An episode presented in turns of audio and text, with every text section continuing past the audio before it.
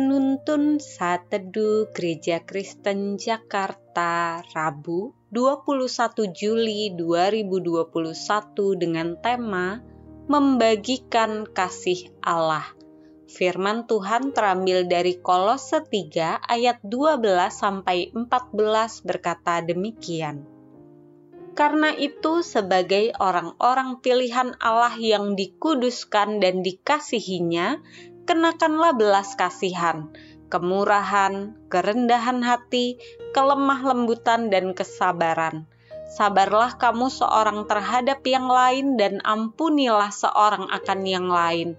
Apabila yang seorang menaruh dendam terhadap yang lain, sama seperti Tuhan telah mengampuni kamu, kamu perbuat jugalah demikian.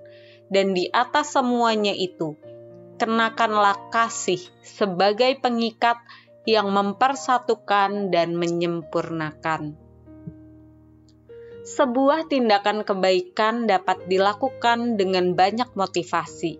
Kita bisa memberi bantuan kepada orang yang kesulitan sambil berharap mendapatkan berkat lebih, atau berharap suatu hari orang tersebut akan membantu kita di saat kita kesulitan atau ingin dilihat baik dan mendapat pujian.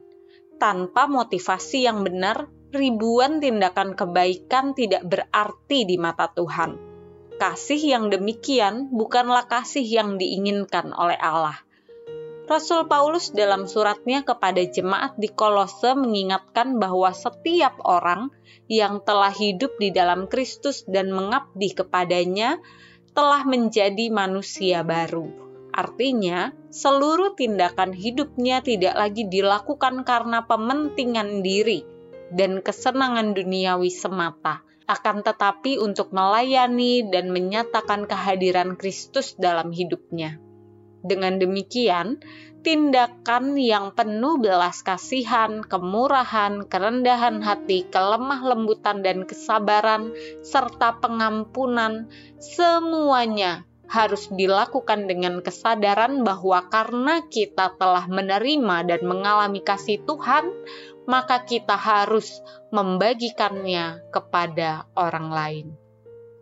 Kasih Tuhan adalah pengikat yang memampukan kita melakukan banyak hal di hidup kita. Jika kita ingin agar orang lain dapat merasakan kasih Kristus, maka jadilah tangan-tangan Kristus yang menunjukkan seperti apa rasanya dikasihi oleh Tuhan. Firman Tuhan berkata, "Sama seperti Tuhan telah mengampuni kamu, kamu perbuat jugalah demikian." Melalui perenungan pada hari ini, kita bersama-sama belajar. Marilah mengasihi sebagaimana Kristus telah mengasihi kita.